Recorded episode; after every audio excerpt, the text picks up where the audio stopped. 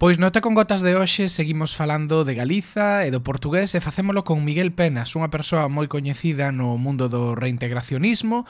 El foi presidente da Asociación Galega da Lingua, a AGAL, durante varios anos e actualmente, bueno, pois non é xa presidente, pero continúa sendo parte do consello desta asociación que leva xa pois máis de 4 décadas pulando por unha reintegración ortográfica entre o galego e o portugués e facendo pedagogía na idea de que galego e portugués portugués son a mesma lingua, pero o motivo polo que falamos con el hoxe non é a súa eh, pertenza a Gal, senón pois a experiencia profesional eh, que el tivo hai anos eh, traballando para unha empresa que trataba de abrirse oco no mercado portugués ofrecendo pois uns servizos de administración eh, digital, eh, de sinatura electrónica para empresas en, en Portugal. Miguel, que tal? Que tal? moi ben, aquí eh, encantado de falar con vos e de estar note, con, no te sen gotas neste caso. A primeira pregunta que che queríamos facer é um, como foi a túa toma de contacto co mercado portugués tendo en conta, bueno, pois que eras unha persoa eh, sensibilizada, non? Na cuestión do, do reintegracionismo, que xa tiña contacto previo coa cultura e coa lingua portuguesa, pero que, bueno, por primeira vez tiveches que eh, poñerte a traballar con Portugal desde un punto de vista máis profesional ou máis máis empresarial. Como foi esa primeira toma de contacto? Bon, pois, eh, teño que dicer que a primeira toma de contacto eh, foi vía a empresa. Bon, na empresa sabían que eu coñecía dúas persoas que estaban dentro e sabían da miña disponibilidade para para si querían testar o mercado portugués para traballar con eles e coñecendo estas persoas o meu perfil, pois nada, propuxeron o, o Departamento de Recursos Humanos e e pois, nunha captación de persoal pois eh, pasei a proba e fundamentalmente foi por ter coñecemento de portugués.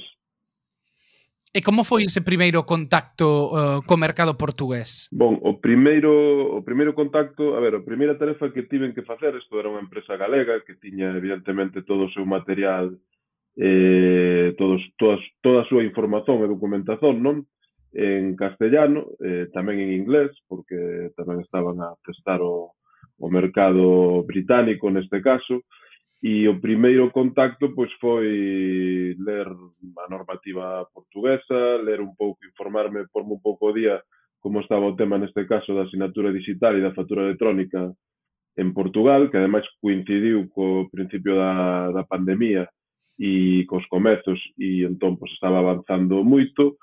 Eh, por mo día eh, como estaba Portugal e o seu mercado e depois actualizar todo todo o material que tiña a, a empresa, neste caso pasalo do castellano ao portugués para poder utilizalo eh, na segunda fase. E unha vez que como é o proceso, unha vez que chegas eh, a Portugal, como empezas a contactar pois con co empresariado portugués e a nivel lingüístico, eh, cal é a receptividade que que ves, digamos, no, no, nos socios ou no empresariado portugués a, a versión, digamos, do, do, do, do da súa lingua que, que ti falabas? A ver, eh, neste caso foi todo foi durante meses o final do confinamento e foi todo feito desde o, desde o domicilio, co, a través de internet e cun telemóvel. Bon, xa non había confinamento en algún dos meses porque conseguín comprar unha, un cartón sin portugués e con telemóvel portugués que aproveito para comentar que tú non podes adquirir desde o Estado español e supoño que desde os outros Estados da Unión Europea non podes eh, adquirir un SIM, eh, neste caso portugués, e tiven que achegarme ata, ata a fronteira para poder para poder compralo. Depois podes usalo, mas non podes adquirilo. Eh, foi todo desde a casa e eu penso que en moitos casos nem tan sequer notaron que eu non era non era portugués ou non era un galego que moraba eh, un galego ou un español que moraba en, en Portugal porque no contacto por escrito eh, usamos moito esta empresa para facer os contactos usa a rede LinkedIn. Uh -huh. Entón hai unha serie de contactos por escrito e depois hai unha serie de contactos telefónicos. Mm, a verdade é que falei con bastantes empresas con maior ou menor suceso e en ningún caso me preguntaron de se era portugués, de onde era ou, ou a verdade é que foi totalmente normal. É certo que tamén non estaba a falar coa fonética que estamos a usar agora, senón que, bon, pois, pues, eh, usaba a fonética eh, de portugués de Portugal. Uh -huh.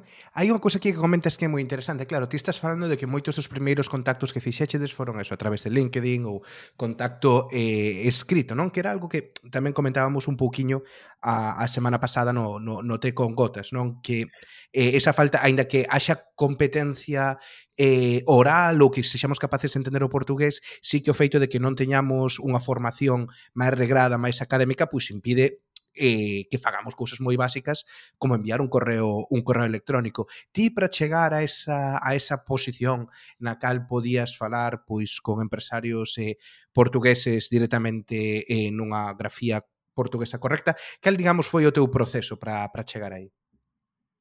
A ver, eh, no meu caso, o meu proceso vital para estar ben formado en, en portugués un pouco tamén polo que comentaste antes, pola militancia na lingua. Eu eh, son reintegracionista, entón eh, mm, nun resumo rápido, eu penso que agora estou a falar portugués, portugués da Galiza, e noutro sentido, pois cando falaba con eles, pois falaba galego de Portugal, non? Entón penso que son a, a mesma lingua e por iso eh, pois, tamén me formei eh, non só nun padrón, nun estándar galego máis culto, máis achegado ao portugués, senón tamén eh, no estándar portugués de Portugal.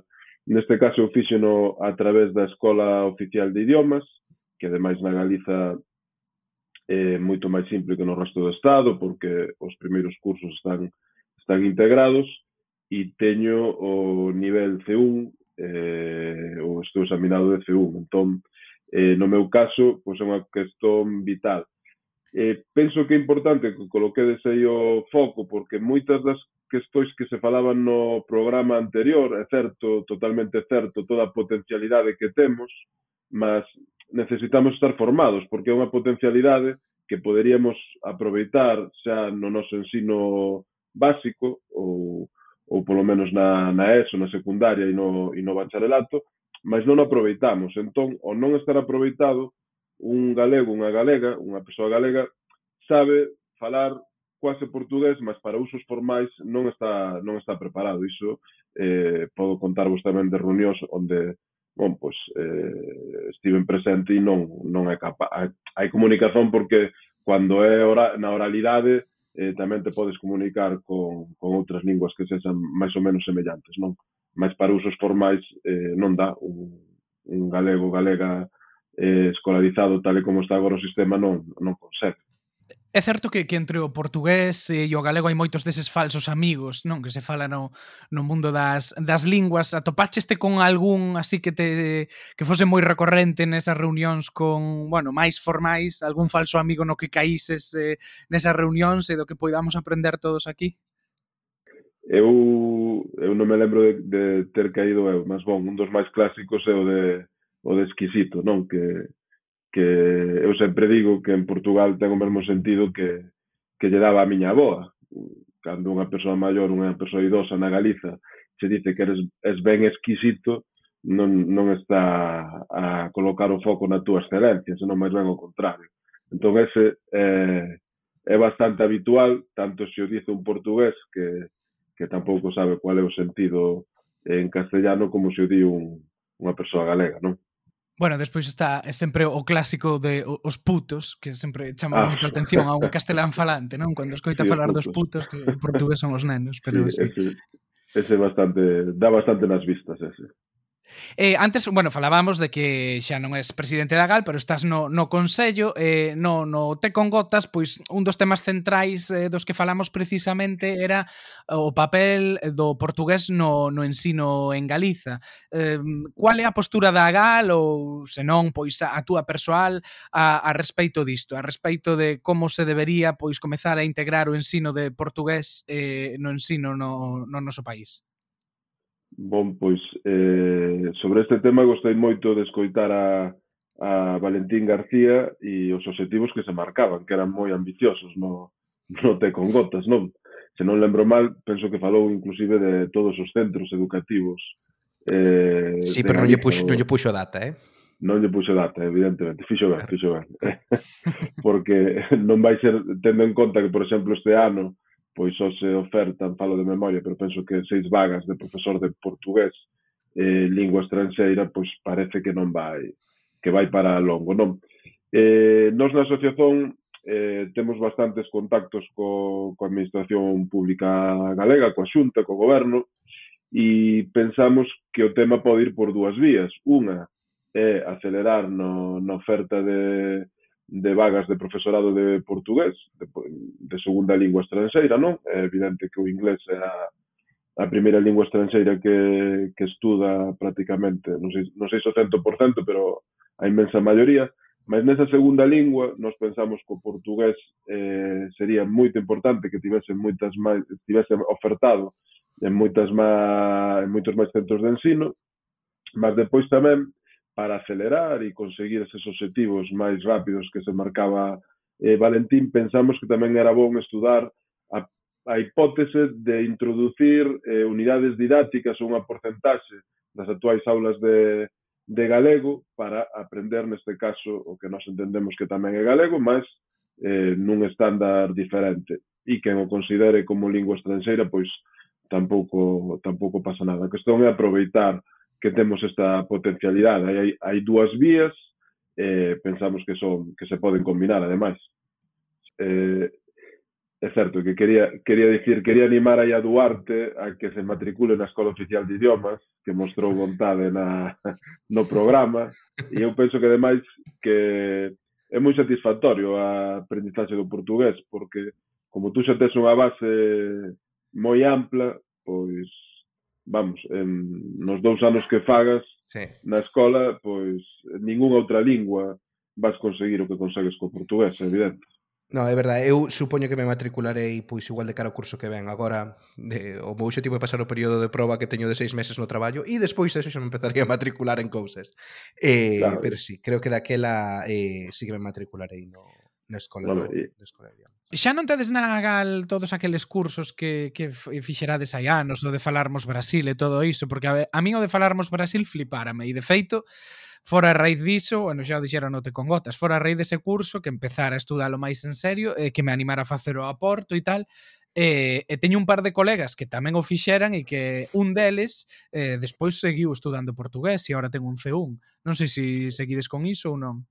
Temos, vamos sacar un máis ambicioso, o que pasa que, eh, mira, agora que o dices, eh, estaban, ian entregalo a final de ano e aínda non entraron. Vamos, eh, o Falarmos Brasil non se está a facer, mas vamos, vamos facer un portal que completa a nosa galaxia e que sexa que che permita aprendizaxe, de feito están facendo Eduardo, Valentín, os que son profesores de portugués, que che permita E mesmo vamos estudar a hipótese de que podas tirar un pequeniño certificado de horas, que teña uh -huh. niveis, que sea, xa máis máis avanzado.